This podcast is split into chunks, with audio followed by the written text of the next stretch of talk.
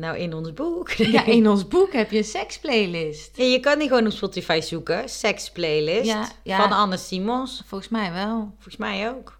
Ik zal eens kijken straks. Ja, volgens mij. En de liefdesverdriet playlist. Ja, ook op naam van Anne Simons. Ja. Oké, daar gaan we. Moord. Lust. Hallo! Hallo. Daar zijn we weer. Ja, zoals eh, gewoonlijk. Donderdagochtend 9 uur uit je speakers. Of in je oortjes. Ja, Met eh, de derde aflevering van dit seizoen. ja, de 23e zaak die we gaan bespreken Mhm. hier. Of eigenlijk niet helemaal, omdat we natuurlijk de bonusafleveringen Bonusaflevering. niet hadden. Maar goed, de 23e Ja, zaak. Aflevering. Ja. Zaak. Ja. Ja, en ik ben weer aan de beurt. Ja. En ik ga jou wat vertellen. En ik vond het zo leuk. Het enige wat ik minder leuk vond, ga ik gelijk, ga ik, is dat het weer in de US is. Of de USA. Ja, dat is dan weer jammer. En hè? ik heb echt mijn best gedaan. Maar de- natuurlijk zijn er ook lustmoorden buiten de Verenigde Staten, maar niet zulke leuke. Dat is het, Nee, denk en ik. soms heb ik ook het gevoel dat ik wel dan dingen kan vinden, maar gewoon niet genoeg info om er Ja. echt een zaak ja, te bespreken. Of dat het dan Ja. meer een kort iets is. Ja, ik wil wel dat jullie gewoon bijna tegen het uur aan naar ons kunnen luisteren. Anders dan... Maar ik denk misschien dat het er ook wel misschien met, het, met de pers of zo te maken heeft. Dat in Mhm. Nederland is het wel minder voor mijn gevoel dat het zo ja, dan sensatie. Ja wordt. artikelen. Ja. En dat er jaren daarna nog dingen over geschreven wordt of zo. Bij de pindakaasmoord bijvoorbeeld. Kon ik niet eens foto's vinden. Nee, Kon ik alleen maar één, ja, een paar artikelen dan, maar niet dat had ik met de sms-moord ook veel Ja, minder. en niet ja. Vlaams natuurlijk. Ja. ja. En dus ik denk dat, dat daar misschien ook wel een verschil in Mhm. zit. En ik merk ook wel dat je, ehm, als ik Amerikaanse zaken zoek, dat er ook veel meer sites van. Ja, Oh. docu's, ook, maar ook sites van ehm, gewoon amateurs zoals wij Ja. zijn, die dan allemaal info verzamelen. Ja. Of dan, weet je, dat het echt een soort hobby is Mhm. van de mensen. Ja, en dat, ja, dat, heb ik ook meer. wel, dat gevoel. Maar ik wilde eigenlijk eh, vragen of de luisteraars mij een uitdaging konden geven. Of ze in de chat of op het contactformulier ehm, even een land sturen. Oh ja. niet de Verenigde Staten, de Verenigde Staten is. En het liefst ook niet Nederland of België, als ik dan toch een beetje mag. eh, Ja, Even een gewoon een, heel land. nieuw land. ja, Oké, dat ik wat gerichten kan zoeken ja. met druk achter de ketel. Ja, eigenlijk moeten we dat ook weer doen. Want vorige keer, ja, Mhm. voor mij was het toen wel lastig ook. Ja, maar voor, Peru, ja. ja. maar voor jou ging het toen eigenlijk wel een stuk beter. ook. Ja, wat had ik toen? Ja, jij had die. eh, nou. Oh, in Ierland was je, bij Ja. Dublin. Ja, de oude BDSM-murder. Ja. ja. Natuurlijk heb ik Ierland gezegd. ja. Ja. Oké, nou, goede site. eh. Nou, maar kom maar met een nieuwe, nieuw land. Ja. Oké. Hoe heet de zaak? De zaak heet, en ik heb hem de, de naam eh, zelf erbij verzonnen. Maar er zijn ook. Is goed, daar hadden we vorige keer nog over. hè? Ja, maar er is ook een film die zo heet: Oh. The Man in the Attic. The Man in the... Attic. Oké. De zolder, op zolder. Mhm. ja. Dit is echt een grappig, leuk verhaal, vind ik. Er gaat wel iemand dood, maar. Spoiler alert. Oeh! Oké. Had ik niet verwacht. Nou, laten we er maar gelijk heen gaan. Moord. Ehm, nou, The Man in the Attic. Ik neem je mee naar de jaren 20 van de vorige eeuw. Leuk oh, toch? way back, ja. 1922. Nou, toen dacht ik, hé, dit is leuk. Ik zag mezelf al helemaal met zo'n 100 thema- jaar geleden. Ja, zo'n themafeestje met zo'n band om je hoofd met veren. Die Zo- zou je nog geven. Ja, hou erover op. Ja, Ja. ik wilde een themafeest geven, maar dat was pre-corona. En toen, een themafeest thuis, wilde ik een moord laten plaatsvinden. Fake natuurlijk. ja, en dat ieder een karakter kreeg. Ja. Mijn karakter lag al klaar. Ja, had ik allemaal echte criminelen uit de jaren 20 opgezocht. En iedereen kreeg dan een sheet thuis gestuurd. Nou, het, het was heel extreem. Ja, je heel hebt veel dat in 2019 bedacht Mm. om het in 2020 20 te gaan, doen. Ja, en toen kwam... ta-ta-ta. Corona. Ja, Dus ja, dat was maar hem. het komt ooit. Ja, oké. maar, Maar dit is wel zijn- leuk. 100 jaar geleden. Ja, oh ja. Nou, hey. Bij Jack the Ripper ook toen 100 jaar geleden. Even, dan hadden we daarover. Nu Ja. precies 100 jaar geleden. Het moest zo zijn. Ja, had ik niet over nagedacht. Maar goed, ik neem je dus mee naar 1922. ehm, naar Milwaukee, Wisconsin. Je hebt ook altijd Wisconsin op een ik, ik zoek ze daarop. Dat is iets wat ik, eh, wat ik bewust doe. Nee, dat doe ik niet. Maar eh, in, de, in de Verenigde Staten dus. En daar woont Welburga Dolly Oesterreich. Oesterreich. Samen met haar man Fred Oesterreich. Nou, dit waren Duitse Amerikanen, zoals je dan Ik wil zeggen, het klinkt niet heel erg Amerikaans, Nee. En eh, gelukkig eh, kan ik Walburga gewoon Dolly noemen. Dat is haar eh, bijnaam. Ah. Dus dat doe ik ook vanaf nu. Ehm, zij is begin 30 en haar man Fred, die was de eigenaar van een schortenfabriek in Milwaukee. Schortenfabriek, hè? Dat is toch even, dan ben je toch wel echt ge- Ja, gespecialiseerd. ja, in iets. Zeker voor die tijd. Extra veel schorten nodig in 1922. Nou, Eh, misschien wel, hoor. Misschien Ja. hè, in die fabrieken waar heel veel mensen werkten Ja. toen nog. Wat nu allemaal robots en Ja, machines had je zijn. allemaal schorten. Had je allemaal schorten ook Ja, aan en zo. Slagerschorten. Nou, eigenlijk in elk beroep heb je wel een, scho- Ja. een schort nodig. Ja, nou. Dus, nou... ik Gat in de Ja. markt. Maar, Laten eh, wij het ook beginnen. Ja, inderdaad, een schortenfabriek. Nou, eh, Dolly was eerst ook werknemer in deze fabriek en zo hebben ze elkaar ook ontmoet. En eh, nou ja, Fred was heel succesvol, maar hij werkte ook heel veel.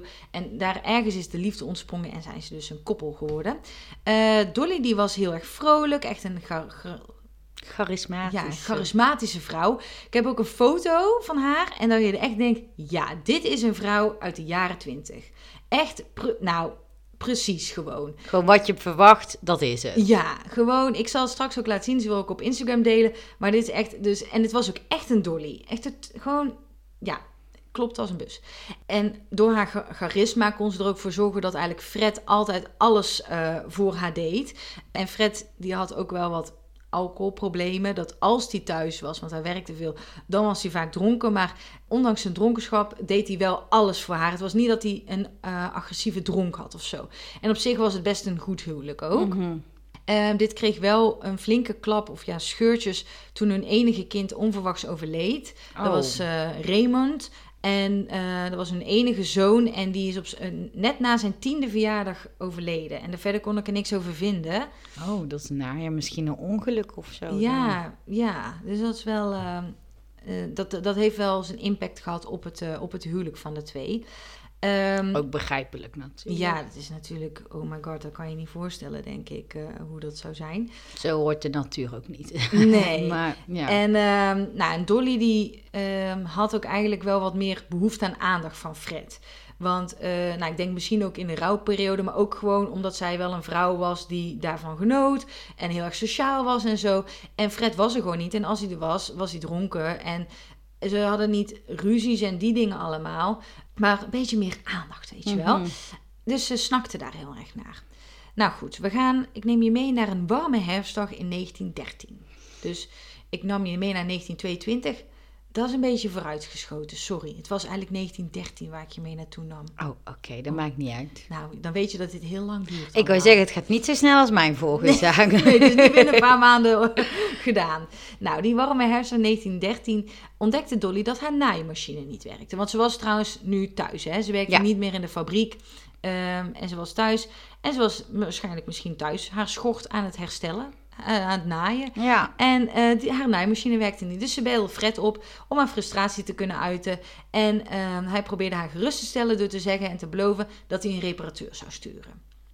Meid, geen zorgen, je naaimachine wordt gemaakt. Je kon wel bellen toen ook. Dat is ook, we hadden Ja. het daar vorige keer, hebben we ook heel lang over gedacht wanneer de eerste e-mail, E-mail, was. ja.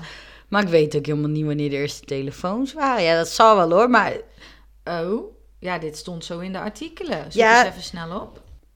Alexander 1870. Graham Bell, die had in 1876 als eerste patent op de telefoon. Ja. Daarom noem je het ook bellen, hè? Dat, Ja. dat wist ik. Nou, wel dan aannemelijk dat ze nu... Ja, de Motorola Dy- Dynatax 8000X was de eerste commerciële mobiele telefoon, maar dat is in 83. Nee, maar dat ja, is 1983. Ja, maar dat is de mobiele. Ja. Dus nee, het is plausibel. Maar Ja. ik, ik vroeg het me gewoon even af. Want Nee, goed dat je, dat je, dat Ja. je oplettend bent. En kijk, ik denk, Fred was natuurlijk heel succesvol. Denk wel ze waren wel een van de eerste gezinnen ja, misschien. of zo. Net, als dat, gezin... net als dat er altijd zo bij een iemand aan de straat een tv dan Ja, was. en dat iedereen zo. daar ging. Nou, bij, bij hun kwam iedereen eh, over de vloer om te bellen. Ja. Met de andere mensen waar iedereen over de vloer kwam om te bellen.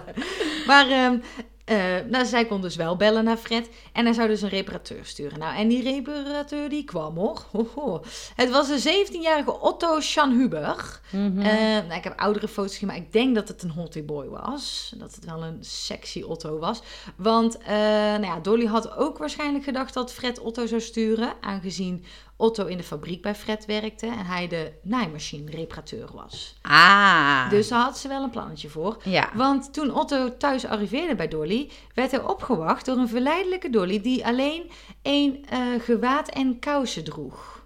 Oh, de Ja. meid. Ja, ja, ik vond haar wel ge- gedurfd. Ja. Toch? Deed zo, hello Otto. En de eh, 17-jarige jongen. ja, ja, zij was dan begin 30, toch? Dat was het, ja. De- ja, dat is misschien wel een fl- flink leeftijdsverschil. Ik weet, ja. Ja, denk Die niet tijd- dat het mag in Amerika. Ook niet in die tijd. Maar nee. nee. wel heel eh, assertief van zichzelf. Ja, nou ja, en wat daar daarna gebeurde kun je ook wel voorstellen natuurlijk. Ze hadden seks. Mhm. Mhm. Nou, en hierna startten de twee een affaire die nog heel lang zou duren. Echt heel lang. En eh, in het begin van hun affaire deden Dolly en Otto dit eigenlijk op de gangbare, geheime manier. Dus ze spraken af in hotels voor hun seksuele activiteiten. En ze werden ook na- nergens gezien op straat samen. Ze deden heel stiekem en zo. Of ze gingen ergens anders heen. Ehm, Je had toen gelukkig niet die smartphone, zodat je allemaal berichtjes kan zien Nee. van iemand of eh, kan controleren of zo. Nee, en camera's of bij hotels of iets. Ideaal. Helemaal niks. Nee, dus ehm, ze konden dat helemaal lekker hun eigen gang gaan. Maar eh, toch, na een tijdje werd het wel te, ja, dat ze het idee hadden van, nou, dit is te opvallend. En eh, begonnen de twee seks te hebben bij Dolly thuis. Dat is veel minder opvallend Ja. natuurlijk. Ik wil zeggen, dat is een beetje vreemd. Nou, eh, in ook het bed van haar en Fred. Dat, ja, nou ja, ja, ik heb dat toch altijd van, als je dit doet, doe het dan ergens anders dan je, je, je bed. Ja, dan het huwelijks... Ja, het eh, huwelijkse bed, hoe noem je dat ja, die- netjes? Het, het echtelijke bed? Ja, echtelijke bed. Echtelijke ja. bed. Ja. Eh, maar goed, dat deden ze het. En eh, nou, dit bleef niet onopgemerkt. Dus ik dacht ook van deze verandering van jullie tactiek. Jullie dachten dat het minder zou op... Ja, het, het is, heeft juist averechts gewerkt. Ja, Ja, En eh, de buren, de nieuwsgierige buren, die vroegen toch heel de tijd van... Ja, wat, wie is die man die altijd rondhangt bij, jou, eh, bij, eh, bij jullie huis, bij Dolly en Fred? En toen gaf Dolly aan dat het haar zwerveren, zwervende halfbroer was. oké, ja. Ja. En die dan soms zo nu dan even kwam. Als hij klaar was met zwerven of zo. Ja, dat hij even kwam om te eten en dat hij daarna weer wegging of zoiets. En dat ze hem niet in huis wilden hebben, maar dat ze... Het is toch de halfbroer, weet je wel? Zo zal het wel zijn Ja. gegaan.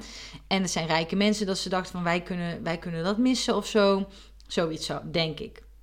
Nou, eh, ook zou Fred eh, nou, het een en ander wel verdenken en beschuldigde de twee ook van een affaire. Dus die had wel duidelijker van dat is, dat is Otto en die, eh, ja, dat is niet een halfbroer of zo. En eh, Dolly gaf enigszins toe dat het zo was, maar beloofde aan haar man dat ze de affaire met Otto zou beëindigen. Mhm. Maar eigenlijk wilde ze dat helemaal niet. Uh-oh. Ja. Nou, ze besefte zich dat ze natuurlijk nu dus aandacht trok met Otto. Die kon niet meer komen. Ehm, en ze wilde, ja, ze wilde die aandacht ook helemaal niet natuurlijk, wat heel logisch is. En toen besloot ze, en dit is... Dat, ik heb het al een beetje verklapt met de titel, maar ze besloot dat Otto bij haar in moest trekken en hij ging wonen bij haar op zolder. Ah ja, Handig hè? Dat heel dan gewoon- handig. Ja, gewoon eh, je minnaar gewoon op speed dial, maar dan niet op de telefoon, maar gewoon... En dan komt hij naar beneden en dan... eh, nou, Ideaal. Ja. Nou, op deze manier zou hij ook nooit gezien worden, was het idee.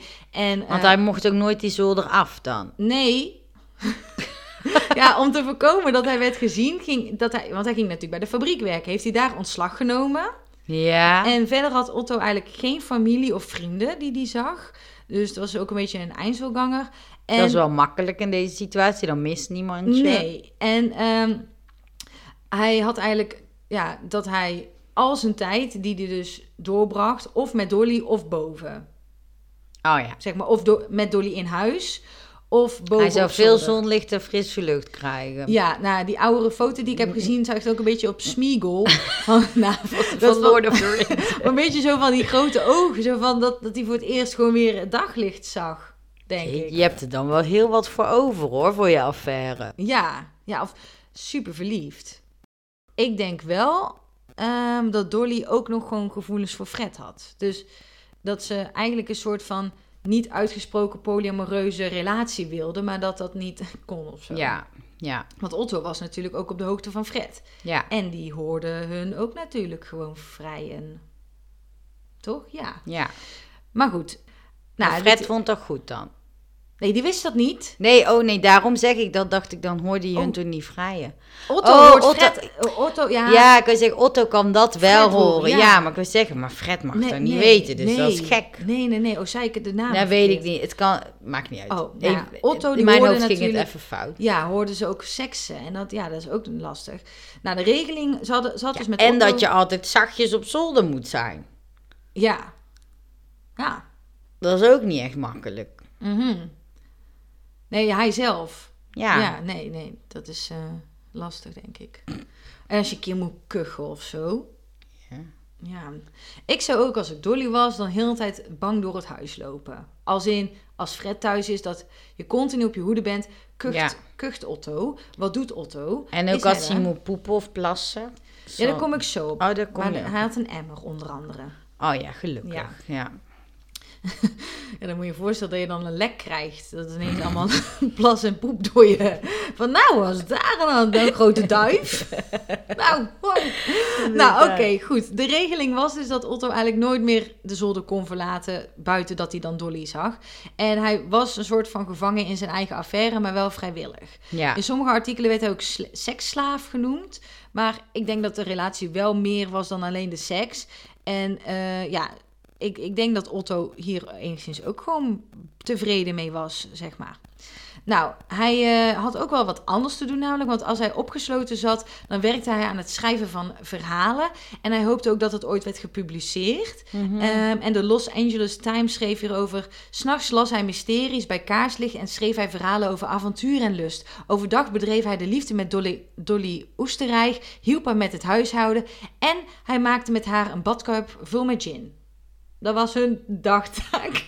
Oké, gezellig. Ja, en ik heb ook nog ergens Geneve gevonden. Maar gin en Geneve zitten best wel dicht bij elkaar, volgens mij. Ja, volgens mij ook. Allebei van je neven best. Ja, maar dan ook met huishouden. Ja. Dolly had het echt goed, bij, die had het goed voor elkaar. Nou, eigenlijk wel, ja. Ja, gewoon dan zo, als je dan even... Joe, Otto, hey, eh, de, de vaat. Of ja, de, ja, de, De vaat Ja, moet gedaan ja, worden. ja, de vaat, dan doe ik de was. En dan gaan we samen nog even een badkuip voor mijn gin maken. Nou, lekker. Ja. Houden we Fred dronken, win-win. ja, ook nog, ja. Dus, nou goed. Hij had op zolder, eh, even wat hij dus op zijn kamer had, was een veldbed, een emmer en tientallen boeken om hem eh, verder te helpen zijn tijd te verdrijven. Ja, dat was het. En een kaars. Oh jeetje, nou, ik denk dat er nog gevangenissen zijn die luxer zijn. Ja, dan moet je naar Noorwegen. Daar, daar krijg je een Playstation en zo, hè? Oh, dat is wel leuk, die zijn bijna niet meer verkrijgbaar. Nee, in Noorwegen wel. Nou, Fred die voelde op een gegeven moment wel dat er iets vreemds in huis gebeurde. Eh, maar kon zijn- Nee joh. Ja, hij kon zijn vinger er niet op leggen. Hij denkt, mijn vrouw die doet het huishouden zes keer zo snel. Elke keer een bad voor, voor mijn gin. En eh, ik hoor wat dingen op de, op de zolder. En hij was ook heel de tijd wel verbaasd dat het eten steeds verdween. Want hij had natuurlijk Ah. eten in de, in de koeling of in de koelkast. En dat verdween steeds. En er was nou, niet Dolly dat dat alleen allemaal kon eten. En hij hoorde mysterieuze geluiden vanaf zolder. Nou, Dolly stelde Fred gerust dat er niks aan de hand was en overtuigde hem dat, er, dat hij het gewoon zijn overactieve verbeeldingskracht was. En dat het ook wel was verergerd door zijn overmatige alcoholgebruik en zoveel stress op werk. En daar kon Fred zich ook wel in vinden. Hij Ja. dacht, ja, ik heb zelf kennis. Ik ben altijd dronken als ik niet aan het werk ben. Dus ik dit- snap het. ja, ik snap je, Dolly. Je hebt helemaal gelijk. Sorry. Eh, ik zal wel in mijn dronkenschap gewoon de, de koelkast leeg eten. Koelkast. Ik zeg altijd koelkast. Nou, vijf jaar lang hebben Dolly en Otto eh, op deze niet zo gangbare manier hun eh, affaire voortgezet op deze zolder. Oh my god. Dat Eh, is echt lang. Ja, en het wordt nog langer. Maar in 1918 eh, ging Fred naar Dolly toe en hij bracht haar op de hoogte dat hij het idee had om eigenlijk een nieuw huis te, of het huis te gaan verkopen. En hij wilde graag verhuizen naar Los Angeles. En dat maakte het wel wat ingewikkelder natuurlijk, want Dolly wilde ook nog met Otto zijn. Maar ja, als je gaat verhuizen, Moet die mee? Ja, nou, ze had, eh, ze had zelf de voorwaarden gesteld. Oké, ik wil verhuizen, maar dan moet het wel een zolder hebben. Nou, als, als je dat zegt, dan zou ik, ik zou dan als Fred zeggen, wat heb jij op zolder? Ja, of ik zou gaan, ja, of ik zou juist gaan kijken als ik ook al dingetjes hoor. Zou ik Ja, toch, ik kan me voorstellen dat je zegt, goh, ik wil zoveel kamers, want dit en dit en dit, of ik wil misschien een tuintje. ja. Ja, een zolder kan misschien wel handig zijn, maar als dat je enige eis is. Ja, en de hobby was, nou, ik weet niet, dit is even van mijn maar dat was dat, dat, dat de alcohol maken in de badkuip. Dan kan je, ja, dat en je- misschien dat ze op zolder met de naaimachine wilde zitten. Oh ja, ja. Met alle stof. Nou ja, goed, dat was haar. eh, en uiteindelijk had ze een huis gevonden zelf met uitzicht op Sunset Boulevard met een zolder. En wat ze dus deed, ze hadden dat gekocht. Ze stuurde Otto eh, vroeg in de ochtend daar naartoe voordat de verhuizers bij hun oude huis te werk gingen. En Otto die eh, moest alvast daar op zolder gaan zitten. Hebben ze slim, heeft ze helemaal slim uitgedacht. En eh, daar moest hij op haar wachten tot zij kwam. En dan ging zij de rest van de spullen voor hem daar plaatsen. Eh, het was echt heel klein en krap, hè, ook. En misschien ook hetgene wat daarboven stond dan weghalen of zo. ja, dus dan kon ze dat allemaal eh, een beetje verdoezelen. Nou, en die lieve Otto, die deed dat ook. Die ging s ochtends weg en die ging naar de nieuwe zolder. En ik dacht ook, deze man die is dus nu in dat tussenstukje... is die eventjes buiten, hè? Ja. Terwijl die vijf jaar niet buiten is geweest. Nou, en niet heeft... Wat, ja, trouwens, douchen doet hij misschien wel Als die dan met overdag, Dolly is, ja. denk ik. Maar dat hoop ik althans. Ja, dat moet wel. Maar alsnog. Maar- Hoe- Hoeveel moet je over hebben voor iemand? Ja. Ja. Nou, hij, hij bouwde daar zelf een soort van zijn zolder ook zo af dat het, dat het niet goed te zien was voor de, voor de dingen. Dus dat deed hij allemaal in de ochtend. En het leven ging precies zo verder zoals de jaren daarvoor. Tot 22 augustus 1922. Moet je even voorstellen, want dit was nog 1918. Hij heeft dus weer vier jaar daar op die zolder gewoond, hè? Dus in totaal al negen jaar. Ja. En ook zo jong, hè? ja, want hij is nu 26 jaar. Moet je nagaan. Ja. Dat je tot twee jaar geleden pas naar buiten. Ja. Sick. Ja, bizar. Ik kan er niet over uit dat hij dat heeft, heeft willen doen. Nee. En eh, nou, tot die dag dus, de 22e in 1922, eh, 22 augustus 1922. Want Otto hoorde die dag Dolly en Fred vechten en ruzie maken op het zolderverblijf. dus net naast zijn Huis. schuilplekje. Ja, naast zijn huis. En ehm, omdat hij ze denk ik ook hoorde vechten of zo, hij kon zich niet inhouden en stormde de kamer binnen eh, waar de twee ruzie aan het maken waren. En hij had gelijk ook twee pistolen in zijn hand. Ah, Ja, die had hij dan blijkbaar ook naast zijn emmer en ik wou zeggen, die had hij er ook Twee bij. pistolen, maar je weet nooit wie daar eh, op je zolderkamer eh, natuurlijk naar je toe komt. Ehm, en hij richtte deze op Fred. En Fred herkende Otto uit de fabriek en werd natuurlijk super kwaad. Want Ja, maar je schrikt je ook gewoon bijna dood. ja, ja, ja. Als Nou, iemand- dat is dus ook gebeurd. Nee. Nee, maar toch dat, Ja. dat je denkt van, what the fuck? Hij heeft die man al negen jaar niet gezien. Nee. Nadat hij ontslagen, Ziet eruit ontslag als heeft genomen Smeagol. ja, als- uit de fabriek. En dan in je nieuwe huis op zolder, ineens vanuit de secret room, Ja. komt ineens hij muur. Met, met twee pistolen. Nou, ik zou ook wel bang Ja, zijn. Ja, inderdaad. En boos ook. Maar Ja, hij was heel boos. En ze begonnen te worstelen. Of ja, te worstelen niet zo. Fight.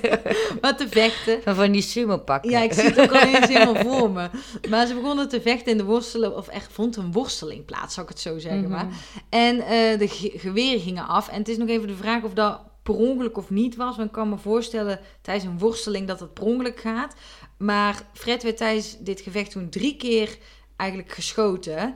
En twee keer in zijn borst en één keer in zijn hoofd. Dat vond ik eigenlijk te specifiek weer dat dat per ongeluk zou zijn. Ja, was het twee keer in zijn... Borst en Ja. één keer in zijn hoofd. Oh ja. Ja, misschien... Als je aan het worstelen bent, dan zou je verwachten iemand in zijn buik, in zijn been. Ja, zit hier heel- schouder of Heel zo. cool met twee van die nepgeweertjes eh, als vingers gewoon. Ehm, nou, Fred die was dus duidelijk eh, dood. En Otto en Dolly raakten ook in paniek. Otto dacht wel heel snel na en heel slim op zich wel. Hij sloot Do- Dolly buitenaf, of hij sloot Dolly in een kast af die buitenaf op slot kon. En hij deed dat dus ook. Hij deed op slot en hij nam de sleutels en de wapens mee naar zolder. eh, of naar zijn plekje. En, en hij wist, want hij wist dat de buren de geweerschoten hadden gehoord. En dat ze waarschijnlijk dit ook zouden melden natuurlijk. En dat de politie snel ja. kwam.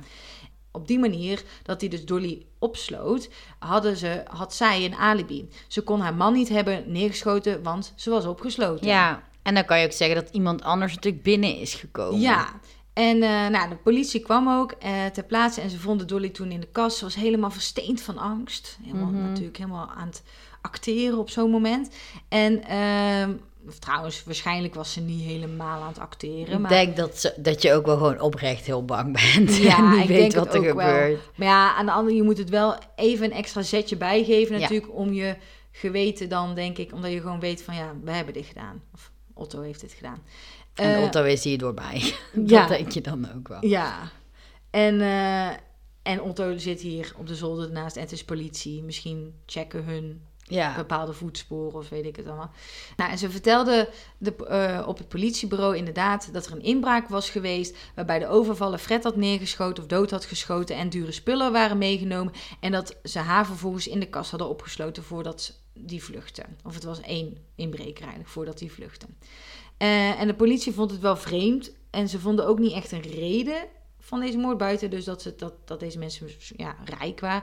Maar ze konden ook niet bewijzen dat het niet klopte. Maar ze konden ook niet echt vinden dat er spullen weg waren. Maar het was eigenlijk een beetje twijfelachtig. Maar uiteindelijk hebben ze haar toch wel vrijgelaten. Of ja, laten Ja. gaan naar het verhoor. En zo van ja, ja we geloven je. De, de...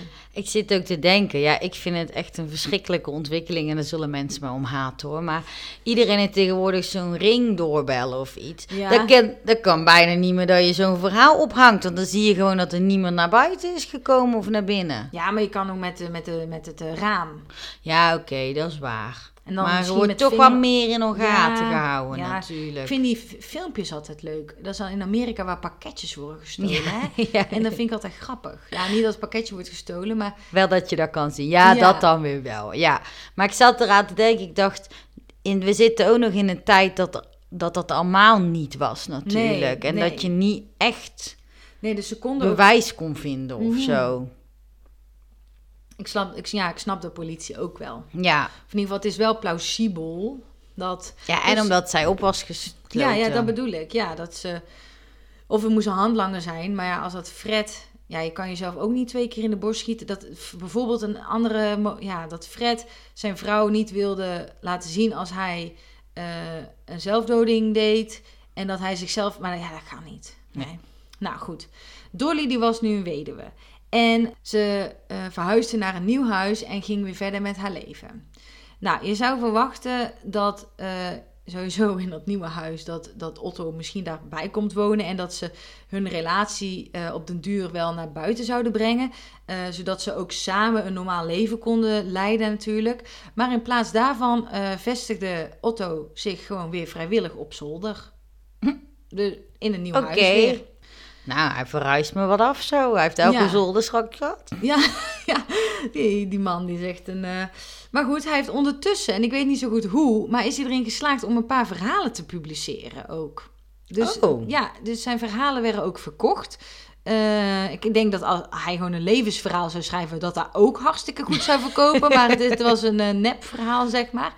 En met dit geld kocht hij een typemachine en hij is ook nog blijven schrijven. Nou, leuk hè? Leuke bijinfo. Maar hij heeft gewoon, hij kon gewoon bij haar in de huis wonen. Ja. Ja, dat deed hij ook, maar dan alleen op zijn zolder. Ja, ja, dat vond hij Nou, denk ik veilig of Het zo. is wel, hè, je moet soms ook iets voor jezelf hebben. Ja. Dat had hij wel. Ja, ja, dat kan je wel zeggen. En, ja, en de typemachine, dan maakte het helemaal af. Maar ik dacht daar wel, de typemachine maakt geluid. En toen Ja, maar dacht nu maakt het niet meer uit. nee, maar ik dacht daarvoor ook, heeft hij dus alles handgeschreven gedaan. Ja, misschien heeft Dolly het wel voor hem getypt dan. Ja, dat Dolly dan met de erenstreek. Nee, dat, ja, dat, nee, dat, Nee, maar van- dat ze misschien het voor Ja. hem uittypte. Ja, dat zou kunnen. Nou ja, Otto die was lekker aan het schrijven op zijn typemachine. En Dolly die ging weer lekker daten. Dus, eh, nou, ze slaagden erin om een nieuwe vlam op te doen. En dat was een advocaat genaamd Herman S. Shapiro. Shapiro. Herman bracht net als haar eerste echtgenote eh, veel, eh, of echtgenoten, echtgenoot, Mhm. eh, veel uren werkend door. Een advocaat natuurlijk. Ja, ze kiest wel de beroepen uit zo. Ja, dus Dolly die hield Herman aan ook, gewoon als haar nieuwe vriend. Eh, maar ze vond het, ja, doordat hij zoveel werkte, vond ze wel van ja, hallo, ik, ik, wil, ik wil aandacht. Dus ze zocht nog een andere minnaar. Maar ze had dus al Herman en Otto. Oh ja, ik wil zeggen, want Otto is dan natuurlijk nog steady op zolder. Ja, die maar ja, die was op misschien ook helemaal, vers, helemaal verslind aan zijn nieuwe typemachine. Dus die had ook al geen ja, tijd misschien was meer. het, nee, al, die- denk je, neem je een werkloze man. of een man die ontslag neemt Gaat die voor toch jou. werken? Ja, ja, en dat werkt dan niet, hè? Nee. Nou ja, ze vond haar geluk bij Roy Klump. Waarschijnlijk ging het ook niet echt om de aandacht en seks bij hem uiteindelijk. Want ze haalde Roy over om iets heel anders te doen. Namelijk om het pistool waar Fred mee vermoord was weg te gooien. Of weg te moffelen. Ja, En ze vertelde hem natuurlijk niet over de moord. eh, maar wel dat het eh, pistool heel veel leek op het wapen van de inbreker. En dat ze niet in de problemen wilde komen. Ja, Hmm. en dat bracht misschien allemaal trauma's terug, hè, als oh je ja. dat ziet. ja. Nou, Klump die gooide het pistool weg in de Labera teerputten. En het andere pistool werd bij zijn tuin begraven. Of in de tuin van de buren. Ik kon daar twee dingen over vinden. Maar niet ver weg in ieder Nee, geval. nee. Dus ik dacht, doe dan allebei de pistolen gewoon in die teerputten. Ik bedoel teerputten. Ja, dat wordt heel heet. Ja, toch? Ja, als je dat moet smelten wel. Ja, toch? Nou, dat dacht ik ook. Nou, de relatie met Roy hield ook niet lang stand. Dus da- daaruit haal ik wel dat het niet echt om de seks ging of zo. Of iets anders, waar ze, eh, maar dat het gewoon meer deze functie had. En eh, hij en Dolly gingen uit elkaar. En na hun relatiebreuk ging Roy naar de politie toe met het verhaal over de pistolen. Oeh, domme Ja. set van Dolly. En Roy, ja, dan denk ik, ja, Roy, ja. Nou, die voelde zich misschien gebruikt. Misschien was het ook wel niet zijn eh, keuze om de relatie te beëindigen. Ja, dat is wel goed. het is een ja. beetje wraakactie. Ja. Ja, ik dacht, ik dacht dan... of geweten. Ja, ja, dat kan ook. Ja, daar heb je een goed punt. Wat dacht jij dan? Nou ja, ik voel meer van, ja, doe dat dan gelijk. Ja, oké, maar misschien was ze toen verliefd. En, Ja. ja. Oké, nou, eh, en het pistool werd na eh, wat zoektochten inderdaad uit de teerputten nog getrokken. En, eh, was toch niet de beste plek om het te verstoppen? Nee, dan? eigenlijk achteraf niet. Ehm, en Dolly die werd in hechten- hechtenis genomen. En de buren, kijk, da- daarom was het een beetje verwarrend, want de buren die groeven het andere pistool op. Maar in het andere verhaal stond, of in een ander artikel stond, dat Roy het in zijn tuin. Of Ah. Roy is de buurman. Dat kan Hey, ook. dat kan ook Out nog, of the box ja. denken. Nou, ehm, en de buren brachten ook dit pistool naar de politie toe. Eh, maar geen van beide wapens kon eh, eigenlijk gekoppeld worden aan Dolly, omdat de wapens beide gecorrodeerd waren. Weet je wat dat is? Nee. Nou, ik heb het even opgezocht. Het is een aantasting van metalen of andere materialen door chemische of elektrochemische reacties die het gevolg zijn van blootstelling aan verwering, vochtigheid of chemicaliën. Ah ja, oké. Vond het een leuk woord om erin te houden. Ja. Gecorrodeerd. Ik denk dan leren we tussendoor ook nog gewoon woorden. Ja, ik ik ken wel geoxideerd. Ja. Dat is meer als het roest wordt toch of zo? Ja, dat Zal, nou, dit zal ongeveer hetzelfde, want het is ook door vochtigheid, verwering en chemicaliën. Ja, kan je ook voorstellen in die teerputten. Maar goed, toen Dolly in de gevangenis zat, eh, nog in hechtenis, toen zat Otto natuurlijk nog moederziel alleen op die zolder. Och ja. Ja. En Dolly vertelde Herman, die advocaat, om boodschappen te doen voor Otto en eh, op de slaapkamerkast te tikken. We hebben ook sinds kort geluidseffecten hier in deze podcast. en eh, hem te laten weten dat Otto naar buiten moest komen. Want die jongen, of ja, man, kwam ook niet naar buiten als er niet werd geklopt. Oh, maar Herman wist dus wel van Otto. Nee, Toen nu pas. pas, ja. Oh. Nou, Eh. hey Plotters, wil je ook even mijn eh, menselijke huisdier die boven op zolder zit even eten Ja. geven? Heel, eh, dan, dan denk je toch, met wie ben ik samen? Ja. Nou, en, maar ze vertelde dus aan Herman ook dat Otto haar zwervende broer was. Oh ja. En eh, Herman vond Otto flink uitgehongerd. Ik heb het wel even met hem te doen hoor. En verzwakt vertelde Otto aan Herman de waarheid over de relatie van Dolly. Dus ja, moet je je voorstellen, ja, je, bent, je, je zit al hoe lang op een zolder. Ik moet erom lachen. Maar dat- Ja, maar ook dat je gewoon niet naar beneden komt als, er niet, als ik dood ga van de honger. ja, dan zou ik toch denken, je komt wel naar buiten als er een gevecht voor je, voor je voordeur gebeurt met twee pistolen. Maar als je, als je zelf overlijdt, bijna van honger, ga je niet even een snackje pakken. Terwijl je weet, of je hoort toch ook dat er bijna niemand thuis is? Nee, ik kan me dit echt niet voorstellen. Nee, ik, ik snap ook niks van Otto. Nee, ik Gewoon, ik snap al niet dat hij gelijk voor de verleiding... Ja, misschien dat trouwens nog wel, dat hij Ja. voor de verleiding gevallen is.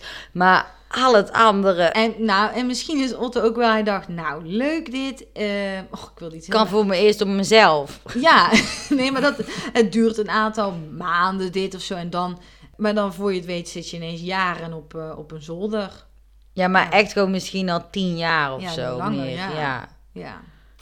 Ja, dus hij vertelde Hij helemaal... weet ook niet anders meer. Nee, en eh, je kan hem wel nagaan, hij ging zijn schrijfcarrière wel achterna. Hè? Hij geeft eigenlijk alles op. Voor Hij heeft wel nog meer tijd om te schrijven. Kijk, wij moeten helemaal plannen als we een week Ja. willen gaan schrijven. En dan alsnog wordt het toch weer korter dan Ja. een week. Dus in dat opzicht zou het voor onze Ja, boekenreeks goed zijn. Ja,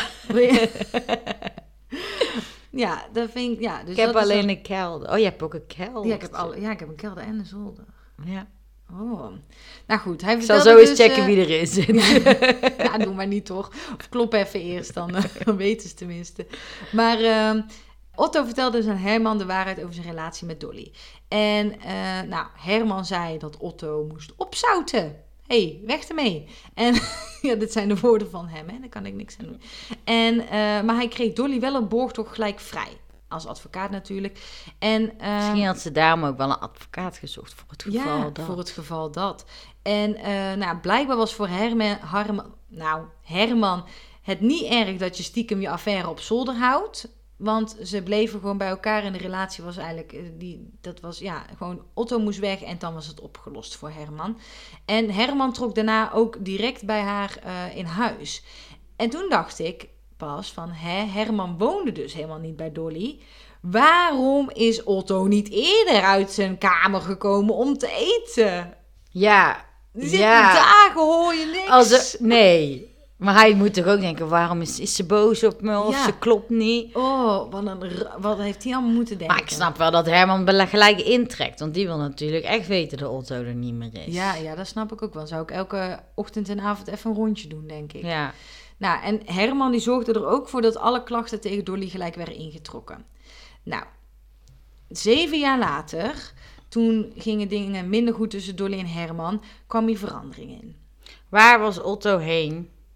Ja, die was een zwervende halfbroer. Uiteindelijk, ja, Uiteindelijk was hij daar echt zwerver daar geworden. is geen informatie over. Misschien vroeg hij bij iemand anders, hey, heeft u nog een Ja, zolder? heeft u nog een attic voor mij? En dan, eh, ik heb niet veel nodig, zei hij. Ja. En hij had natuurlijk wel geld. En ik denk dat Dolly hem ook wel wat geld heeft gegeven. Hij had een typemachine. Ja, en een, en een veld. Oh, wij zijn een beetje in een, in een melige bui. Altijd als we later opnemen. Ja, maar ja, ik moet me ook... Ja, ik zit me heel de tijd voor te stellen. Maar goed, oké, zeven jaar later ging het dus niet meer goed tussen Dolly en Herman. Otto 80 boeken verder. Otto heel zijn levensgeschiedenis opgeschreven. bestseller hier, bestseller daar. En eh, Herman ging uiteindelijk weg bij Dolly. En toen vertelde hij ineens bij de politie dat hij heel veel eh, informatie had verzameld over de misdaad tegen Fred Oostenrijk. Mm. Hij dacht, ik ga ook wraak nemen. Nou, Nou. die andere ook al, die Roy en nu ook Ja. alweer die Herman. Ja, dus iedereen keert zich uit, behalve Otto zelf, Mhm. keert zich naar... Ja, hij is natuurlijk ook de moordenaar. Maar goed, opnieuw werd Dolly opgepakt en ook Otto. Dus ze hebben hem wel kunnen vinden ergens, want in de buurt. en er kwam een rechtszaak met een jury en zij achten Otto schuldig aan doodslag. En ook, dat vond ik ook, zelfs nadat de verdediging ook verklaarde dat Dolly hem als seksslaaf heeft gehouden, dan denk je toch als jury, althans zou ik denken, jij hebt je gevangenisstraf al gehad. ja. toch? Ja, voor Otto zal het niet veel verandering zijn. Ja, misschien, Beter moet, verbeteren. hij, misschien moet hij dan weer schrijven. Ja, Maar hij krijgt tenminste regelmatig eten. En een wc gewoon. nou ja, goed. Dat weet ik nog niet in die tijd, in de gevangenis. Ja, Jawel, je hebt toch wel in ieder geval beter dan een emmer, denk ik. misschien wel een gat. Ja, dat is, dat is beter dan toch in je, in je eigen kamer een emmer vol met je uitwerpselen. Ja. Nou goed, maar vond de, de jury vond, had daar geen, geen gehoor naar. Strenge jury hoor. Het proces werd bekend als de Batman-zaak, omdat hij natuurlijk heel de tijd, eh, of Otto, op een afgelegen, grotachtige zolder werd gehouden en dachten ze dat is de Batman. Maar het geluk stond aan Otto zijn zijde, want het verjaringstermijn van doodslag was al verstreken. Want de, ondertussen, ze waren natuurlijk zeven jaar later al met Herman en Dolly en dan ook nog met Roy ertussen. En, nou, ja, en in het nieuwe huis. later al, ja. Dus het was verstreken. Dus hij was vrij. Oh, Ja, dus hij... nou eh, ja, vrij. En toen dacht ik wel ook van, maar, ja, van oké, heel deze zaak dan gaan, gaan doen. En dan weten van, oh ja, als, dit uit, als je schulden bent, dan ben je toch vrij, want het is verjaard. Ja, dat is een beetje zonde van het geld, toch? Ja, nou en de moeite van... Dan zit je Van daar... iedereen. Maar als jury boeit het dan ook oprecht niet wat je zegt. Nee, dus misschien dat ze daarom dachten van, nou, Ja. we doen je schuldig. Nou goed, eh, Dolly die stond terecht vanwege beschuldigingen van samenzwering, maar werd ook niet bestraft en mocht eh, vrij uitgaan. En eh, uiteindelijk werden ook alle andere aanklachten die er waren in 1936 ingetrokken. Dus dan moet je maar, dit begon in 1913. Dus dat is 23 jaar. En Dolly die stierf in 1961 op 80-jarige leeftijd. Oké, en ze was echt niet meer met Otto samengekomen? Nee, daar kon ik niks over vinden. Jeetje. Ik snap, ik snap dat. Ik snap het echt niet.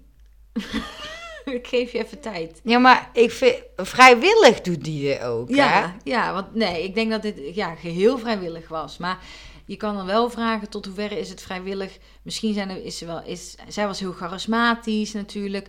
En heeft zij hem misschien gemanipuleerd. Hij was misschien, als ik zijn foto bekijk, een best wel introverte man. Hij had geen vrienden, geen familie. In hoeverre is dat natuurlijk vrijwillig? Maar aan de andere kant, hij is niet... Er is nergens agressie geweest of echte emotionele mishandeling of zo. Nee. En volgens mij hadden ze het best wel, zeker in de beginjaren van de, de, de zolderaffaire, zou ik het maar noemen. Oh, dat was een leuke naam geweest ook, de zolderaffaire. Ja, we kunnen hem ook nog zo noemen. Oh ja, dat vind ik leuk. Eh, de beginjaren waren denk ik zeker wel leuk. Dat hij dan overdag naar beneden kwam en samen... Gin maken. Ja, dat lijkt me fantastisch in je badkuip. En dan gewoon lekker eh, nou, huishouden doen samen. Vrijen wanneer het je uitkomt door heel je huis. En dan ga je daarna weer typen of nou, schrijven. Ja, op zich, het klinkt niet heel slecht, maar als je dan kijkt hoe lang... Ja, dat het is wel te lang geweest. Het is wel echt heftig. En ik heb even twee dingen nog. Als je eh, een eh, film wilt zien hierover, nou, er zijn er twee, maar die zijn allebei heel slecht. Maar als je een keer een, het moment hebt van, ach, ik heb echt zin in een, slechte, film. ja. Nou, dan kan je de film The Man in the Attic kijken. En die is van 1995 met Neil Patrick Harris. Weet je wel, van eh, How I Met Your Mother. Oh, ja, ja, ja. Die. Deze kreeg een 5,8. Dus eh, nou, net voldoende. En dan heb je ook nog uit 2018 maar liefst, nou ook alweer vier jaar geleden, maar eh The Lover in the Attic. En die kreeg een 5,4. Oeh. Ja, dan denk je, die andere film, daar leer je van, pak het niet zo aan. Nou. maar goed. Toch jammer, want het is wel een fascinerend verhaal. Ja, ik, ik zou zeggen van, jongens, als hier ergens een film maken, maak die film opnieuw. Ja, wij willen het wel inspreken. Oh, ja, ja ja, kan jij Dolly niet zijn? Ja. Dan ben ik, eh, ben ik Otto. Jij zit alleen maar te tikken dan of te schrijven. Je kan dan bijna niks zeggen, wat horen ze jou? Ja, daarom. Nou, op zich prima. nou goed, zonder gekkigheid, dat was hem. Oké, nou interessant. Ik had er nog nooit van gehoord. Ik Nee. vind echt wel ehm, sneu voor het manneke. Ik vind wel, Dolly, ze was wel lekker vooruitstrevend. En ook Ja. denk in oplossingen. Ja, toch? Ja. Ja, als, die niet, meer- als je niet meer wil dat je affaire naar binnen en buiten gaat, sluit hem gewoon op op zolder. Ja. Laat hem nergens meer heen gaan. Hey, Hey, opgelost. Dit is wel sarcasme, jongens. Dus niet dat we jullie aanstelt dat jullie dit echt doen. Nee. Nee. Gaan we naar het lustgedeelte. Ja. Lust. Nou, Ja, we hebben een leuke lust deze ja, keer. nou, en eh, dat heet dan, ja, ja, ja, ik vind het leuk. Want eh Leila kwam met dit idee, dus naar jou alle credits. Maar ik heb mijn masterproefonderzoek eh, gedaan naar ontrouw. En ik heb mensen geïnterviewd die in hun huidige relatie ontrouw beleefden. Dus ontrouwig waren. Oftewel een affaire mogelijk hadden. Eh, en dat is een super interessant onderzoek. Eigenlijk moet ik daar nog wat meer mee doen. Ja, maar ik vond dit een mooi moment om er een keer iets mee te doen Ja. voor jou. Want we hebben daar, eh, ja, allebei voor ons onderzoek, dus jij ook echt Ja. bloed, zweet en tranen Ja. in gehad. Ja, zeker. Dus dan nou de, de redenen van ontrouw. Ja, en, En- ook, het was ook heel leuk. Nou ja, het was heel interessant dat je ook de persoon hebt geïnterviewd die de ontrouw ja, Ja, deden. In plaats van dat heel vaak degene waarbij ontrouw die gebeurt als, ja. als, an, ja, als anderen, zeg maar. Degene die het niet ondernemen. Zo Ja. zeg je het. Ja, ik weet niet.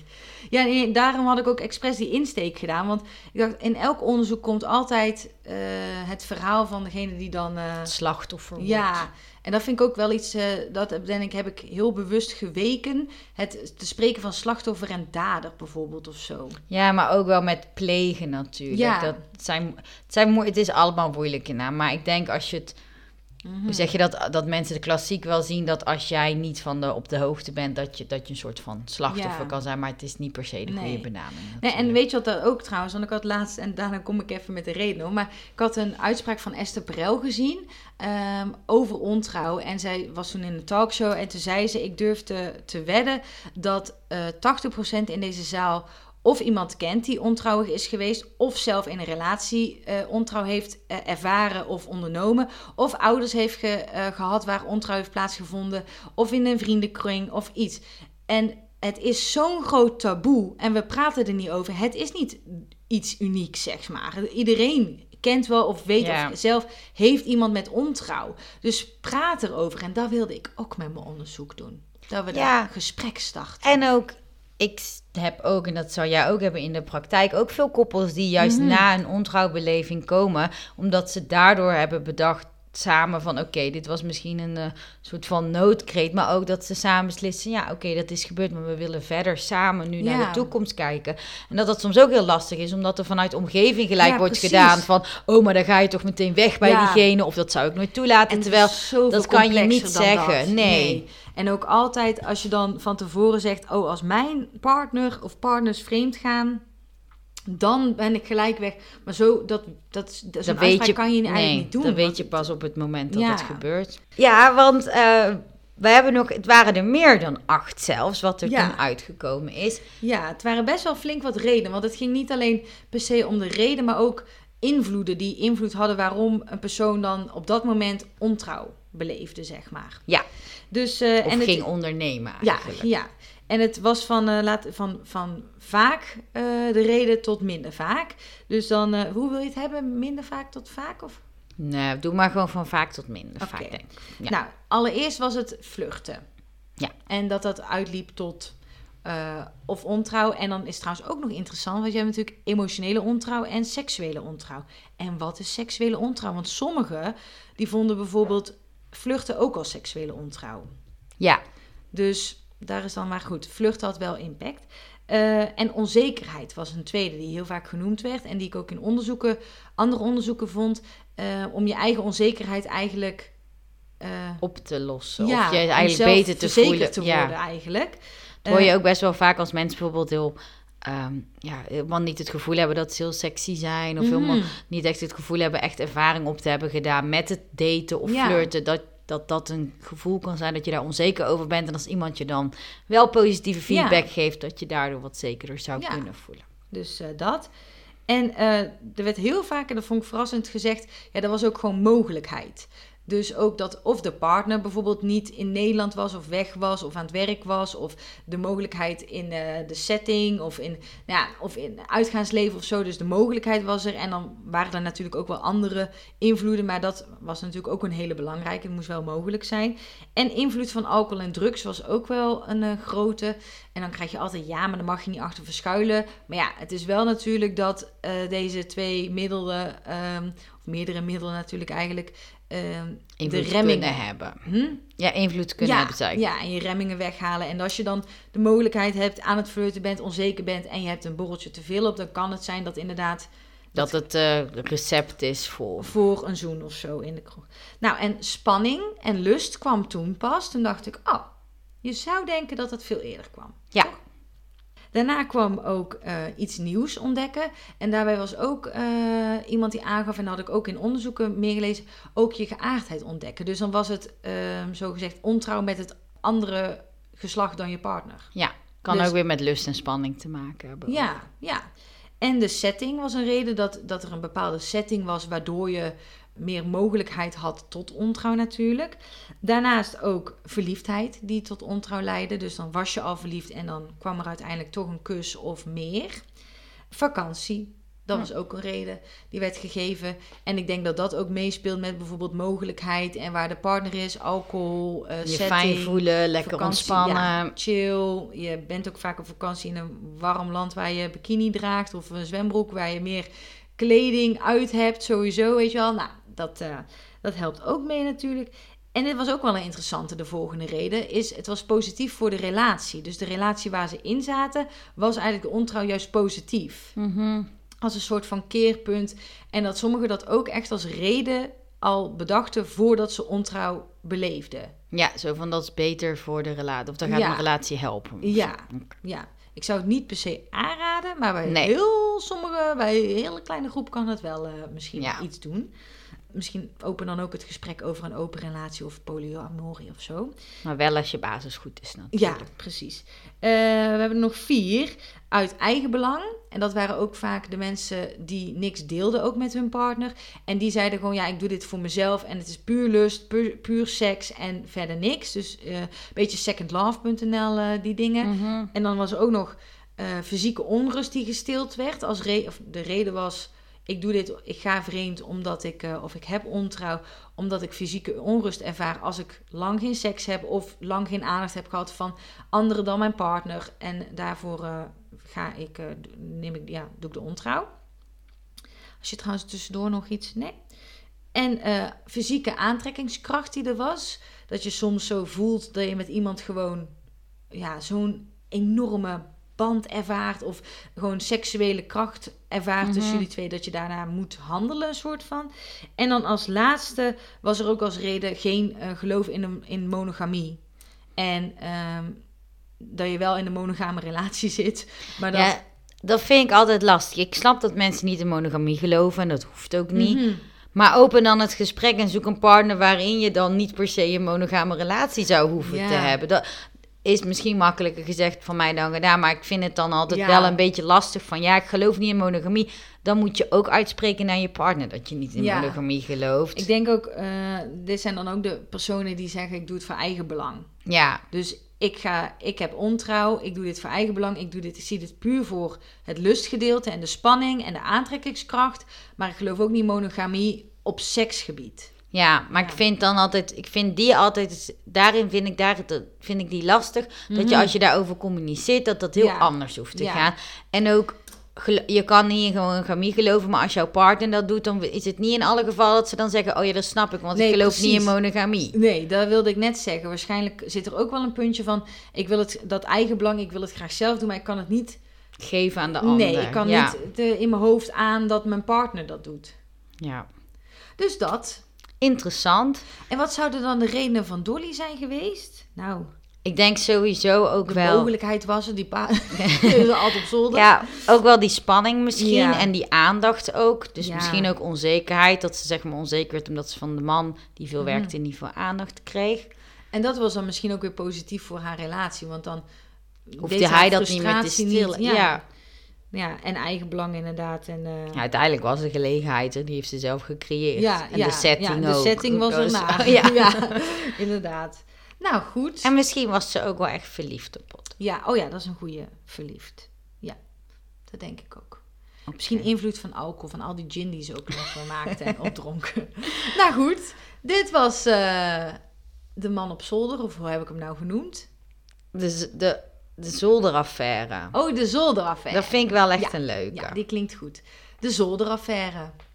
klinkt lekker Nederlands. En dan, Ja. haha, is het er niet. Nee.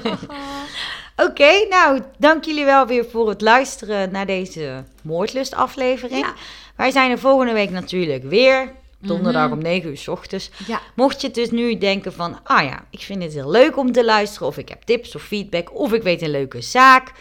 Of ik wil nog ergens anders tips over. Dus dan kan je dat altijd laten weten. ja, en dat kan natuurlijk via het geliefde ehm, contactformulier. Vul dan in op je typemachine www.seksologenmet2.nl slash contact.